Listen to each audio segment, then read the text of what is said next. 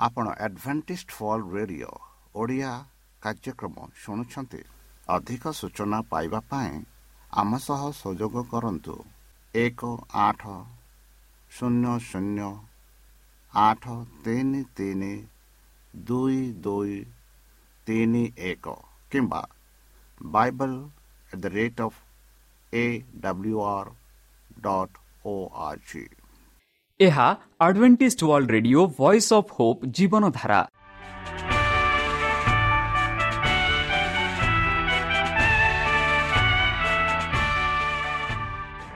Odia radio କାର୍ଯ୍ୟକ୍ରମ ଯାହା ଆମର ଆନ୍ତର୍ଜାତୀୟ ଆଘାତ କେନ୍ଦ୍ରରୁ ପ୍ରସାରଣ କରାଯାଉଛି ପ୍ରତିଦିନ ରାତି ନଅଟା ତିରିଶ ମିନିଟ୍ରେ।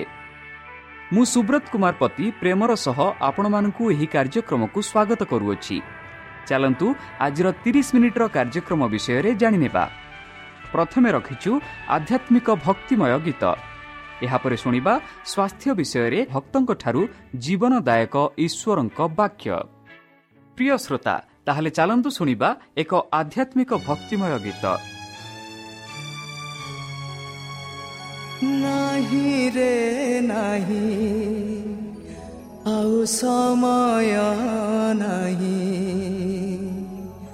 नाही रे नाही आउ समय नाही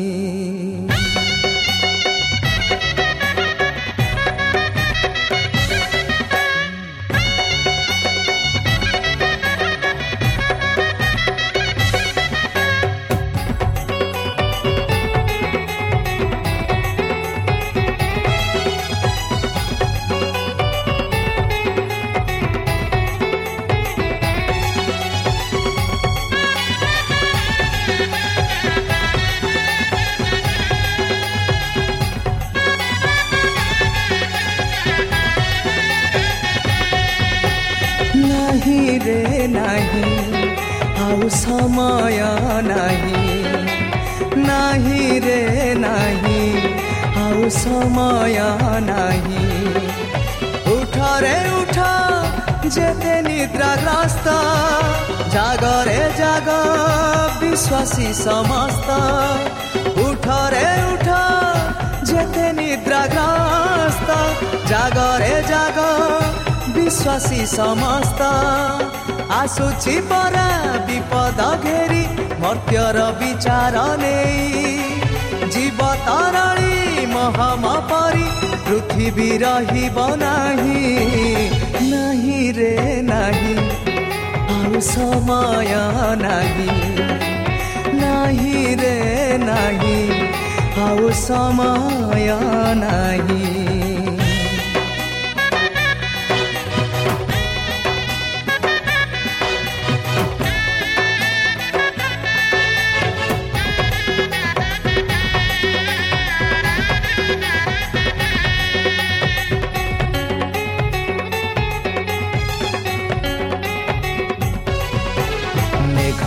ଥରେ ଦୂତ ସାଥିରେ ଯୀଶୁ ଆସୁଛନ୍ତି ଗୌରବରେ ମହାନନ୍ଦରେ ପରାକ୍ରମରେ କମ୍ପି ଉଠୁଛି ତୁରି ନାଦରେ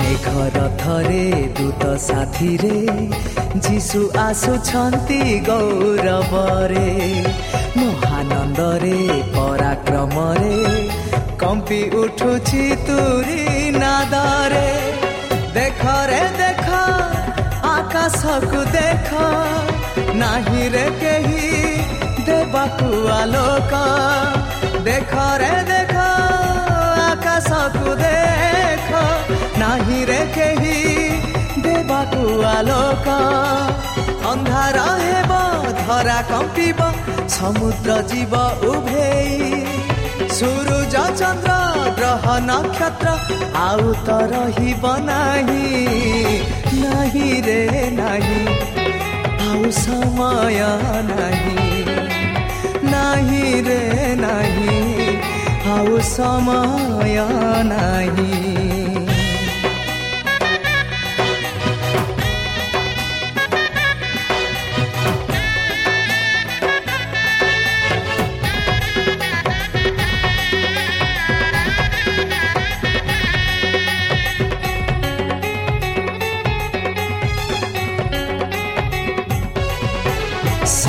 ସମସ୍ତେ ମଧ୍ୟ ଆକାଶେ ମସିହ ରାଜାଙ୍କୁ ଭେଟିବେ।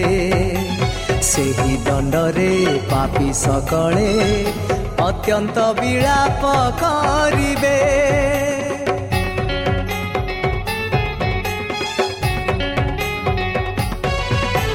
ସାଧୁ ସମସ୍ତେ ମଧ୍ୟ ଆକାଶେ ମସିହ ରାଜାଙ୍କୁ ଭେଟିବେ।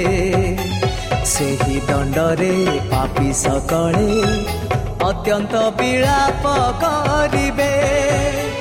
ପ୍ରଚଣ୍ଡ କ୍ରୋଧେ ଅଗ୍ନିବୃଷ୍ଟି ହେବ ସାରା ସୃଷ୍ଟିକୁ ବିନାଶ କରିବ। ପ୍ରଚଣ୍ଡ କ୍ରୋଧେ ଅଗ୍ନିବୃଷ୍ଟି ହେବ ସାରା ସୃଷ୍ଟିକୁ ବିନାଶ କରିବ। ସେହି ସମୟ भेची बापाई स्थान त रही बनाही मरी बापाई खोजिले भाइ मरण जीव दुरे। नाही रे नाही आउ समय नाही। नाही रे नाही आउ समय नाही। उठ रे उठ जेते निद्राग्रस्त।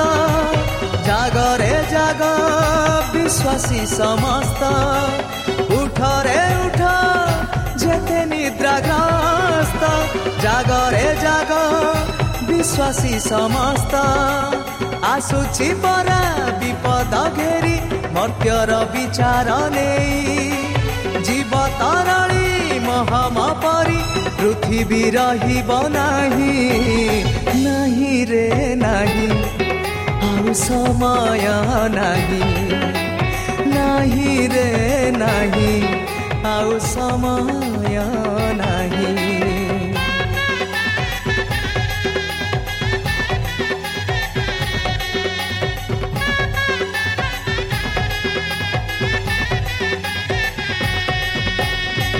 ଆମ ଠିକଣା Adventist media centre SDA mission compound Salisbury park Pune ଚାରି ଏକ ଏକ ଶୂନ ତିନି ସାତ ମହାରାଷ୍ଟ୍ର ବା ଖୋଲନ୍ତୁ ଆମର ୱେବସାଇଟ୍ ଯେକୌଣସି Android phone smartphone desktop laptop କିମ୍ବା ଟ୍ୟାବ୍ଲେଟ୍ ଆମର website W W W dot A W R dot O R G slash O R I ବର୍ତ୍ତମାନ ଚାଲନ୍ତୁ ଶୁଣିବା ଈଶ୍ୱରଙ୍କ ଭକ୍ତଙ୍କଠାରୁ ଈଶ୍ୱରଙ୍କ ଜୀବନଦାୟକ ବାକ୍ୟ ମହାକାଶରୁ ଦୂତ ବାର୍ତ୍ତା ଭାଗ ଦୁଇ ନମସ୍କାର ପ୍ରିୟ ଶ୍ରୋତା ସେହି ସର୍ବଶକ୍ତି ସର୍ବଜ୍ଞାନୀ ପ୍ରେମର ସାଗର ଦୟାମୟ ଅନ୍ତର୍ଜମୀ ଅନୁଗ୍ରହ ପରମ ପିତାଙ୍କ ମଧୁର ନାମରେ ମୁଁ ପାଷ୍ଟ ପୂର୍ଣ୍ଣଚନ୍ଦ୍ର ଆଉ ଥରେ ଆପଣମାନଙ୍କୁ ଏହି କାର୍ଯ୍ୟକ୍ରମରେ ସ୍ୱାଗତ କରୁଅଛି ସେହି ସର୍ବଶକ୍ତି ପରମେଶ୍ୱର ଆପଣମାନଙ୍କୁ ଆଶୀର୍ବାଦ କରନ୍ତୁ ଆପଣଙ୍କୁ ସମସ୍ତ ପ୍ରକାର ଦୁଃଖ କଷ୍ଟ ବାଧା କ୍ଲେଶ ଓ ରୋଗରୁ ଦୂରେଇ ରଖନ୍ତୁ। ଶତ୍ରୁ ସଚେତନ ହସ୍ତରୁ ସେ ଆପଣଙ୍କୁ ସୁରକ୍ଷାରେ ରଖନ୍ତୁ। ତାହାଙ୍କ ପ୍ରେମ ତାହାଙ୍କ ସ୍ନେହ ତାହାଙ୍କ କୃପା ତାହାଙ୍କ ଅନୁଗ୍ରହ ସଦାସର୍ବଦା ଆପଣଙ୍କଠାରେ ସହବର୍ତ୍ତୀ ରହୁ। ପ୍ରିୟ ଶ୍ରୋତା ଚାଲନ୍ତୁ ଆଜି ଆମ୍ଭେମାନେ କିଛି ସମୟ ପବିତ୍ର ଶାସ୍ତ୍ର ବାଇବଲଠୁ ତାହାଙ୍କ ଜୀବନଦାୟକ ବାକ୍ୟ ଧ୍ୟାନ କରିବା। ଆଜିର ଆଲୋଚନା ହେଉଛି ମହାକାଶରୁ ଦୂତ ବାର୍ତ୍ତା ଭାଗ ଦୁଇ। ବନ୍ଧୁ ଏହି ଭାଗ ଏକ ଆମେ ଗତକାଲି ଆଲୋଚନା କରିଥିଲୁ। ଚାଲନ୍ତୁ ଆଜି ଏହା ଭାଗ ଦୁଇ ଆଲୋଚନା କରିବା। ଯେପରିକି ଦ୍ୱିତୀୟ ସ୍ୱର୍ଗଦୂତ ବାବିଲ ବିଷୟରେ କ'ଣ ଏକ ବ୍ୟକ୍ତିତ୍ୱ ଦିଅନ୍ତି ଯାହାକି ପ୍ରକାଶିତ ଅଠର ଦୂତ ଈଶ୍ୱରଙ୍କ ଲୋକମାନଙ୍କୁ କ'ଣ କରିବାକୁ ଅନୁରୋଧ କରନ୍ତି ତା ବିଷୟରେ ଆଜି ଦେଖିବା। ପ୍ରକାଶିତ ଚଉଦ ଆଠ। ସେଠି ଆମେ ଦେଖୁଅଛୁ ଜହନ। ଦର୍ଶନରେ ଏହିପରି ଦେଖନ୍ତି ଯେ ସେ ଅନ୍ୟ ଜଣେ ଦୂତ ଅନୁସରଣ କରୁଥିବାର ସେ ଦେଖିଲେ। ଆଉ କହିଲେ ବାବିଲ ପତିତ ହେଲା ବୋଲି। ସେ କହନ୍ତି ପ୍ରକାଶିତ ଅଠର ଏକ ଦୁଇ ଚାରିରେ ସେ କହନ୍ତି କି ମୁଁ ଦେଖିଲି ଆଉ ଜଣେ ସ୍ୱର୍ଗଦୂତ ସ୍ୱର୍ଗରୁ ଓହ୍ଲାଉ ଅଛନ୍ତି। ଏବଂ ସେ ଉଚ୍ଚ ସ୍ୱରରେ ଜୋରରେ ଚିତ୍କାର କରି କହିଲା କ'ଣ କହିଲା? ମହାନ ବାବିଲ ପତନ ହୋଇଅଛି। ସେହି ମହାନ ବାବିଲ ପତନ ହୋଇଅଛି। ଏବଂ ମୁଁ ସ୍ୱର୍ଗରୁ ଆଉ ଏକ ସ୍ୱର ଶୁଣିଲି। ମୋ ଲୋକ ତାଙ୍କଠାରୁ ବାହାରି ଆସ। କ'ଣ ଶୁଣିଲେ ବନ୍ଧୁ? ସେଇ ସ୍ୱର୍ଗରୁ ଆଉ ଗୋଟିଏ ସ୍ୱର ସେ ଶୁଣିଲେ କି ମୋର ଲୋକ ତାହାଙ୍କଠାରୁ ବାହାରି ଆସ। କାହାଠାରୁ? ସେହି ମହାନ ବାବିଲ ଠାରୁ ବାହାରି ଆସ ବୋଲି କହିଲେ।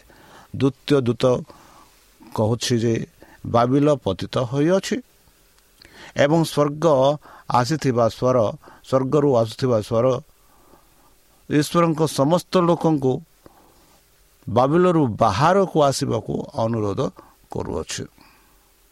ସେମାନେ ଏହା ସହିତ ବିନାଶ ହେବା ନାହିଁ ଏହା ଈଶ୍ୱରଙ୍କର ଇଚ୍ଛା।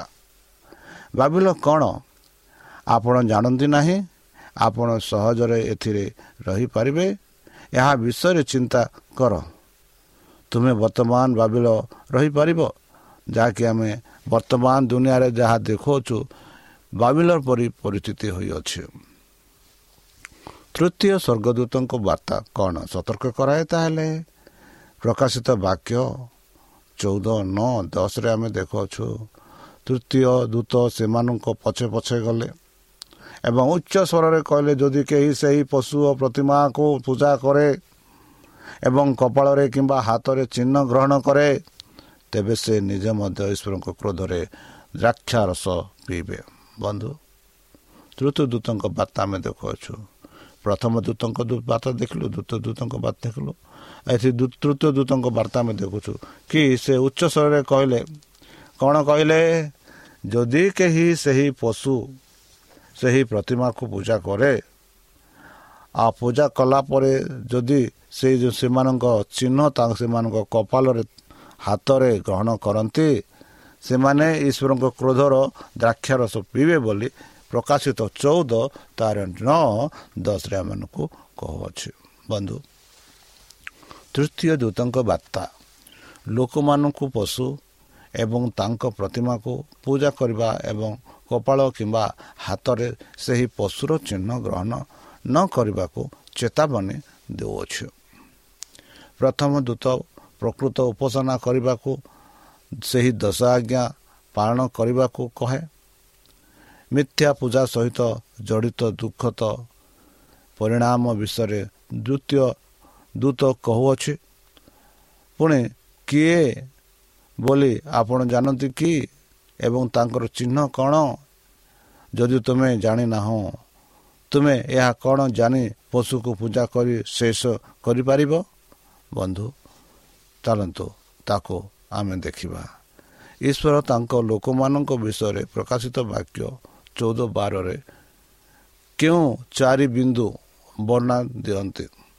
ଯେଉଁମାନେ ତିନି ଦୂତଙ୍କ ବାର୍ତ୍ତା ଗ୍ରହଣ କରନ୍ତି ଏବଂ ଅନୁସରଣ କରନ୍ତି ସେମାନଙ୍କୁ ଯାହା ଆମେ ଦେଖୁଅଛୁ ପ୍ରକାଶିତ ବାକ୍ୟ ଚଉଦ ବାରରେ ସେମାନଙ୍କୁ ଏହିପରି ଦରକାର କି ସେମାନେ ଧୈର୍ଯ୍ୟ ରଖି ରହିବାର ଉଚିତ।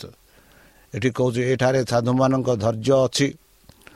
ଏଠାରେ ଯେଉଁମାନେ ଈଶ୍ୱରଙ୍କ ଆଜ୍ଞା ଏବଂ ଯୀଶୁଙ୍କ ବିଶ୍ୱାସ ପାଳନ କରନ୍ତି ସେମାନଙ୍କ ଧୈର୍ଯ୍ୟ ଆବଶ୍ୟକ ଏକ ସେମାନେ ଧୈର୍ଯ୍ୟଶୀଳ ସ୍ଥିର ଧୈର୍ଯ୍ୟ ସ୍ଥିର ସ୍ଥିର ଏବଂ ଶେଷ ପର୍ଯ୍ୟନ୍ତ ବିଶ୍ୱାସ ରଖିବାକୁ ପଡ଼ିବ। ଈଶ୍ୱରଙ୍କ ଲୋକମାନେ ତାଙ୍କୁ ଧୈର୍ଯ୍ୟ ସ୍ନେହପୂର୍ଣ୍ଣ ଆଚରଣ ଏବଂ ସେମାନଙ୍କ ଜୀବନରେ ପବିତ୍ରତା ପ୍ରତି ବିଶ୍ୱତା ଦ୍ୱାରା ପ୍ରକାଶ କରନ୍ତି। ଦୁଇ ସେମାନେ ସାଧୁ ଯେଉଁମାନେ ପବିତ୍ର ଆଜ୍ଞା ପବିତ୍ର ଯୀଶୁଙ୍କ ବାକ୍ୟ ମାନି ରଖନ୍ତି ତାଙ୍କ ଅନୁସାରେ ରହନ୍ତି ସେମାନଙ୍କୁ ଆମେ ସାଧୁ ବୋଲି କହନ୍ତୁ କହୁ। କିମ୍ବା ପବିତ୍ର ଲୋକ କାରଣ ସେମାନେ ସମ୍ପୂର୍ଣ୍ଣ ଭାବରେ ଈଶ୍ୱରଙ୍କ ପକ୍ଷରେ ଅଛନ୍ତି ଶୈତାନର ପକ୍ଷରେ ନାହାନ୍ତି। ସେମାନେ ସମ୍ପୂର୍ଣ୍ଣ ରୂପେ ଈଶ୍ୱରଙ୍କ ପକ୍ଷରେ ଅଛନ୍ତି ଏଥିଯୋଗୁଁ ସେମାନଙ୍କୁ ଆମେ କହୁଅଛୁ ସାଧୁମାନେ। ସେମାନଙ୍କ ଧୈର୍ଯ୍ୟ ସ୍ଥିର ଧୈର୍ଯ୍ୟଶୀଳ ସ୍ଥିର ଏବଂ ଶେଷ ପର୍ଯ୍ୟନ୍ତ ବିଶ୍ୱସ୍ତ ରହିବାକୁ ପଡ଼ିବ। ଦ୍ୱିତୀୟ ସେମାନେ ସାଧୁ। ତୃତୀୟରେ ଆମେ ଦେଖୁଅଛୁ ସେମାନେ ଈଶ୍ୱରଙ୍କ ଆଜ୍ଞା ପାଳନ କରନ୍ତି। ଏହି ସାଧୁମାନେ ଈଶ୍ୱରଙ୍କ ଆଜ୍ଞା ପାଳନ କରନ୍ତି। ଏହି ବିଶ୍ୱସ୍ତ ଲୋକମାନେ ଖୁସିରେ ତାଙ୍କ ଦଶ ଆଜ୍ଞା ପାଳନ କରନ୍ତି ଏବଂ ସେ ଦେଇଥିବା ଅନ୍ୟ ସମସ୍ତ ଆଜ୍ଞା ସେମାନେ ପାଳନ କରନ୍ତି। ସେମାନଙ୍କ ପ୍ରଥମ ଉଦ୍ଦେଶ୍ୟ ହେଉଛି ଯାହାକୁ ସେମାନେ ଭଲ ପାଆନ୍ତି। ଚାରି ସେମାନଙ୍କର ଯୀଶୁଙ୍କର ବିଶ୍ୱାସ ଅଛି। ସେମାନଙ୍କ ଠାରେ ଯୀଶୁଙ୍କ ଠାରେ ବିଶ୍ୱାସ ଅଛି। ସେମାନେ ଅନ୍ୟଙ୍କଠାରେ ବିଶ୍ୱାସ କରୁନାହାନ୍ତି। ସେମାନେ ଯୀଶୁଙ୍କ ଠାରେ ବିଶ୍ୱାସ କରିଥାନ୍ତି। ଏହାକୁ ଯୀଶୁଙ୍କଠାରେ ବିଶ୍ୱାସ ମଧ୍ୟ ଅନୁବାଦ କରାଯାଇପାରେ। ଉଭୟ କ୍ଷେତ୍ରରେ ଈଶ୍ୱରଙ୍କ ଲୋକମାନେ ଯୀଶୁଙ୍କୁ ସମ୍ପୂର୍ଣ୍ଣ ଭାବରେ ଅନୁସରଣ କରନ୍ତି ଏବଂ ତାଙ୍କ ଉପରେ ସମ୍ପୂର୍ଣ୍ଣ ଭରସା ରଖନ୍ତି। ଆଉ ଏମାନଙ୍କର ସେମାନେ ଧୈର୍ଯ୍ୟଶୀଳ ରହିବେ ଯେତେବେଳେ ଶୈତାନ ସେମାନଙ୍କୁ ତାଡ଼ନା ଆଣିବେ। ତାହେଲେ ସମସ୍ତ ସ୍ୱର୍ଗଦୂତଙ୍କ ବାର୍ତ୍ତା ଶିକ୍ଷା କରିବା ପରେ ତୁରନ୍ତ କ'ଣ ହୁଏ? ଯାହାକି ପ୍ରକାଶିତ ଚଉଦ ଚଉଦରେ ଆମେ ଦେଖୁଅଛୁ ବନ୍ଧୁ। ଜହନ ଦେଖୁଛନ୍ତି ଏହି ଦର୍ଶନ। ସେ କହନ୍ତି ତାପରେ ମୁଁ ଦେଖିଲି ଏକ ଧଳା ମେଘ ଏବଂ ମେଘ ଉପରେ ମଣିଷ ପୁତ୍ରଙ୍କ ପରି ଜଣେ ବସିଥିଲେ। ତାଙ୍କ ମୁଣ୍ଡରେ ଏକ ସୁବର୍ଣ୍ଣ ମୁକୁଟ ଥିଲା। କ'ଣ ଦେଖୁଛନ୍ତି ବନ୍ଧୁ? ଏଠି ଜହନ ଦେଖୁଛନ୍ତି କି ଏକ ମେଘ। ଆଉ ସେ ମେଘର ରଙ୍ଗ ଥିଲା ଧଳା। ଆଉ ସେ ମେଘ ଉପରେ ବଛନ୍ତି କିଏ? ମଣିଷର ପୁତ୍ର। ମଣିଷର ପୁତ୍ରଙ୍କ ପରି ଜଣେ ବସିଥିଲେ। ସେ ମଣିଷର ପୁତ୍ର କିଏ ଥିଲେ? ଯୀଶୁ ଖ୍ରୀଷ୍ଟ ଥିଲେ। ଯୀଶୁ ଖ୍ରୀଷ୍ଟ ସେହି ମେଘ ଉପରେ ବସିଛନ୍ତି। ଆଉ ତାଙ୍କ ମୁଣ୍ଡରେ କ'ଣ ଅଛି ବନ୍ଧୁ? ତାଙ୍କ ମୁଣ୍ଡରେ ଏକ ସୁବର୍ଣ୍ଣ ମୁକୁଟ ଥିଲା। ମାନେ ତାଙ୍କ ମୁଣ୍ଡରେ ସୁବର୍ଣ୍ଣ ମୁକୁଟ ପିନ୍ଧି ସେ ରାଜାଙ୍କ ରାଜା ପ୍ରଭୁଙ୍କ ପ୍ରଭୁ ଦେବତାମାନଙ୍କ ଦେବତା ଈଶ୍ୱରଙ୍କ ଈଶ୍ୱର। ମାନେ ଦେବତାମାନଙ୍କ ଦେବତା ପ୍ରଭୁଙ୍କ ପ୍ରଭୁ ରୂପରେ ସେ ଏହି ପୃଥିବୀକୁ ଆସୁଅଛନ୍ତି କେମିତି ଆସନ୍ତି? ସେ ଏକ ଧଳା ମେଘରେ ବଛନ୍ତି ଆଉ ତାଙ୍କ ସଦୃଶ୍ୟ କ'ଣ ଦେଖାଯାନ୍ତି ମଣିଷ ପୁତ୍ର। କାହିଁକି ତାକୁ ମଣିଷ ପୁତ୍ର କୁହାଯାଉଛି? ଯେହେତୁ ସେ ଜଗତରେ ଜନ୍ମ ହୋଇଥିଲେ ଜଗତରେ ରହିଥିଲେ। ଆଉ ସେ ଯୋଗୁଁ ତାକୁ ମଣିଷ ପୁତ୍ର ପ୍ରଭୁଙ୍କ ପୁତ୍ର ବୋଲି ଡକାଯାଉଅଛି। ଆଉ ସେ ଯେଉଁ ମଣିଷ ପୁତ୍ରଙ୍କ ପରି ଜଣେ ବସିଥିଲେ ଆଉ ସେ ମଣିଷ ପୁତ୍ର କିଏ ଥିଲେ? ଯୀଶୁ ଖ୍ରୀଷ୍ଟ ଆଉ ତାଙ୍କ ମୁଣ୍ଡରେ ଆମେ ଦେଖୁଅଛୁ ଏକ ସୁବର୍ଣ୍ଣ ମୁକୁଟ। ବନ୍ଧୁ ପ୍ରତ୍ୟେକ ବ୍ୟକ୍ତିଙ୍କୁ ତିନି ଜଣ ଦୂତଙ୍କ ବାର୍ତ୍ତା ଶିକ୍ଷା ଦେବାର ପରେ ଯେତେବେଳେ ଏହି ପୃଥିବୀରେ ଆମେ ଦେଖୁଛୁ ବନ୍ଧୁ ପ୍ରତ୍ୟେକ ଲୋକଙ୍କୁ ପ୍ରତ୍ୟେକ ଲୋକଙ୍କୁ ଯେତେ ଲୋକ ଏହି ପୃଥିବୀରେ ବାସ କରନ୍ତୁ ସମସ୍ତଙ୍କୁ ସେଇ ଯେଉଁ ତିନି ଦୂତଙ୍କ ବାର୍ତ୍ତା ଯାହା ଆମେ ପୂର୍ବରେ ଆଲୋଚନା କରୁଛେ ସେହି ସେଇ ବାର୍ତ୍ତା ସବୁ ତିନି ଜଣଙ୍କୁ ଦେଲା ପରେ ଯୀଶୁ ନିଜେ ଲୋକମାନଙ୍କୁ ସ୍ୱର୍ଗୀୟ ଘରକୁ ନେବା ପାଇଁ ମେଘରେ ଫେରିଆସିବେ ଯାହା ଆମେ ଦେଖିଲୁ ପ୍ରକାଶିତ ଚଉଦ ଚଉଦରେ। ଯୀଶୁ ନିଜେ ଆସିବେ ତାଙ୍କ ସହସ୍ର ଦୂତଙ୍କ ସହ କାହିଁକି ଆସିବେ?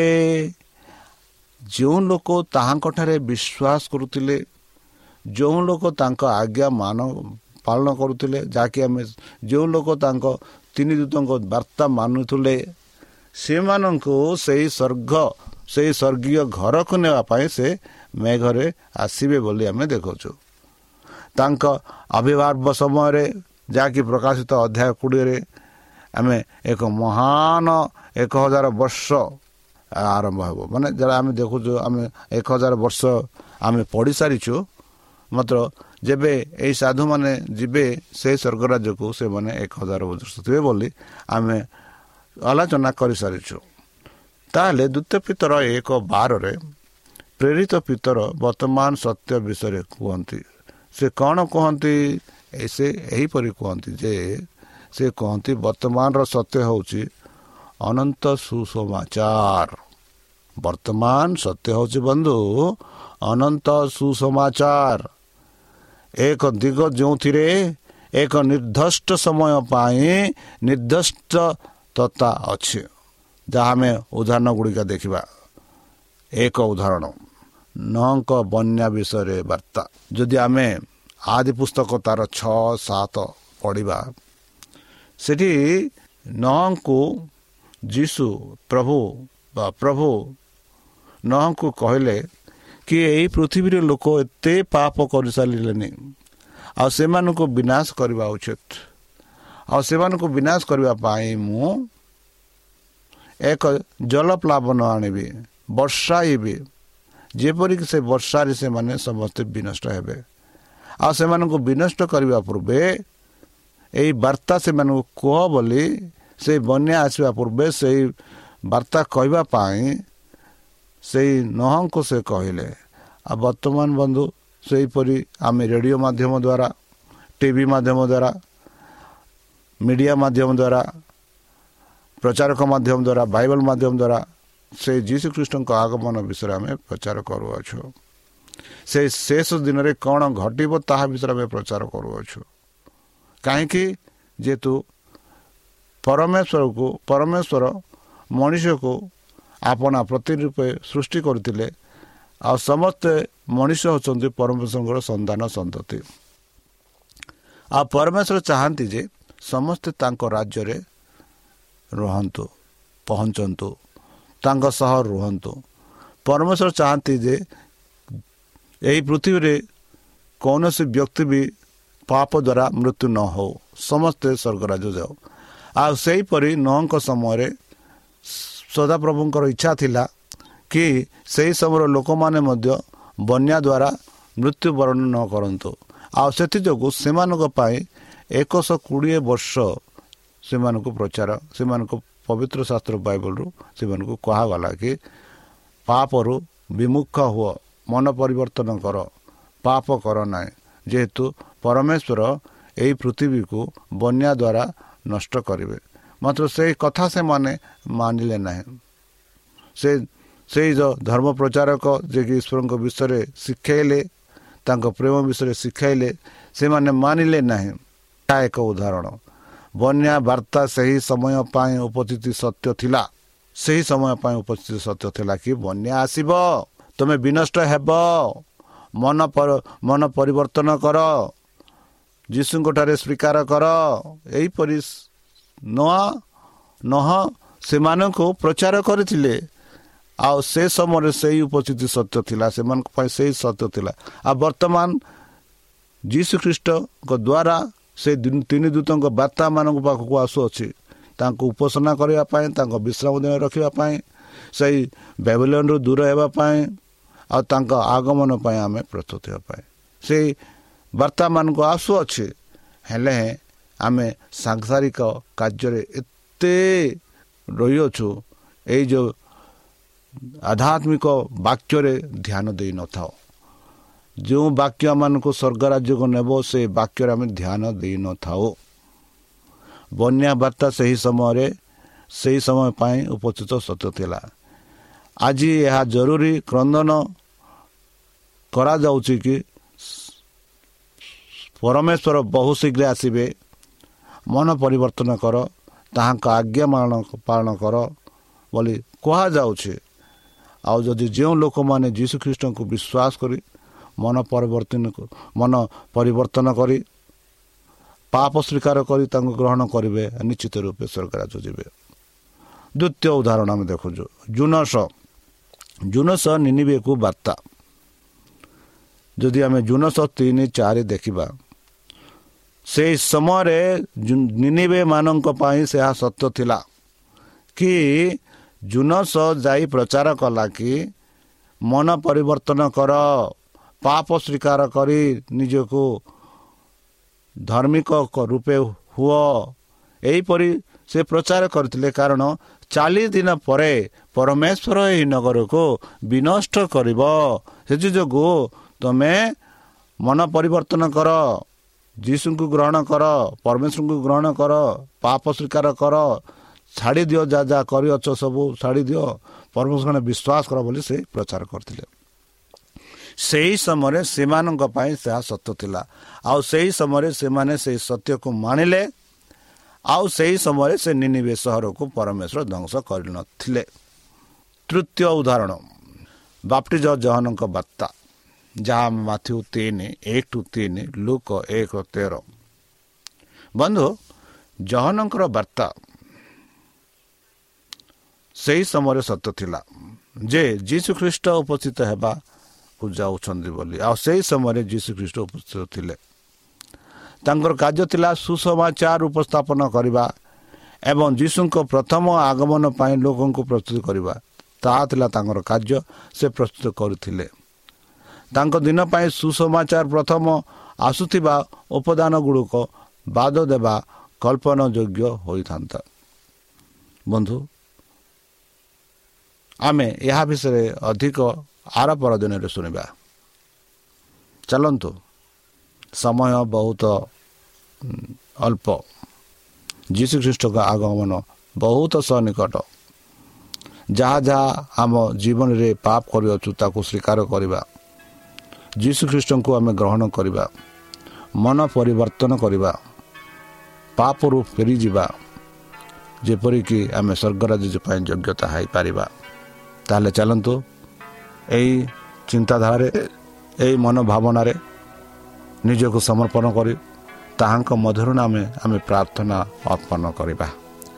ହେ ଆମ୍ଭମାନଙ୍କ ସର୍ବଶକ୍ତି ସର୍ବଜ୍ଞାନୀ ପ୍ରେମର ସାଗର ଦୟାମୟ ଅନ୍ତର୍ଜମୀ ଅନୁଗ୍ରହ ପରମ ପିତା ଧନ୍ୟବାଦ ଅର୍ପଣ କରୁଅଛୁ। ବର୍ତ୍ତମାନ ଯେଉଁ ବାକ୍ୟ ତୁମ ଭକ୍ତମାନଙ୍କୁ ଶୁଣାଇଲେ ସେହି ବାକ୍ୟ ଅନୁସାରେ ଏମାନଙ୍କୁ ଚାଲିବା ପାଇଁ ବୁଦ୍ଧିରେ ଜ୍ଞାନରେ ଶକ୍ତିରେ ପରିପୂର୍ଣ୍ଣ କର। ଆମ ପାପ ସବୁ ତୁମ ସେହି ବହୁମୂଲ୍ୟ ରକ୍ତରେ ପରିଷ୍କାର ରୂପେ ଧୋଇ ଦିଅ। ଶତ୍ରୁ ସୈତାନ ହାତରୁ ଆମମାନଙ୍କୁ ଦୂରେଇ ରଖ। ଆଉ ପରିଶେଷ ଯେବେ ତୁମେ ତୁମ ସେହି ସହସ୍ର ଦୂତଙ୍କ ସହ ଆସିବେ ସେତେବେଳେ ଆମମାନଙ୍କୁ ଏକ ବାସସ୍ଥାନ ଦିଅ ବୋଲି ତ୍ରାଣକର୍ତ୍ତା ପ୍ରଭୁ ଯୀଶୁଙ୍କ ମଧୁରମୟ ନାମରେ ଏହି ଛୋଟ ବିକ୍ଷମ ଅଛି ଶୁଣି ଗ୍ରହଣ କର। ଆମେନ୍।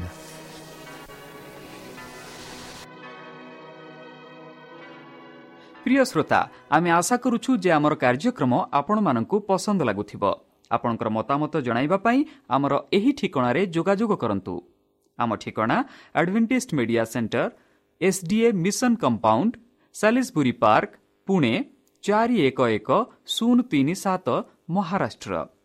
ବା ଖୋଲନ୍ତୁ ଆମର ୱେବସାଇଟ୍ ଯେକୌଣସି Android phone smartphone desktop laptop କିମ୍ବା ଟ୍ୟାବ୍ଲେଟ୍ ଆମର website W W W dot A W R dot O R G slash O R I ଏବଂ W W W dot Adventist media centre India dot O R G Adventist media centre ଇଣ୍ଡିଆର spelling ହେଉଛି A D V E N T I S T M E D I A C E N T R E I N D I A ଅଥବା download କରନ୍ତୁ ଆମର mobile app ଆପଣଙ୍କର mobile play ଷ୍ଟୋରକୁ ଯାଆନ୍ତୁ ଆଉ type କରନ୍ତୁ the voice of hope ଆଉ download କରନ୍ତୁ ଈଶ୍ୱର ଆପଣଙ୍କୁ ଆଶୀର୍ବାଦ କରନ୍ତୁ ଧନ୍ୟବାଦ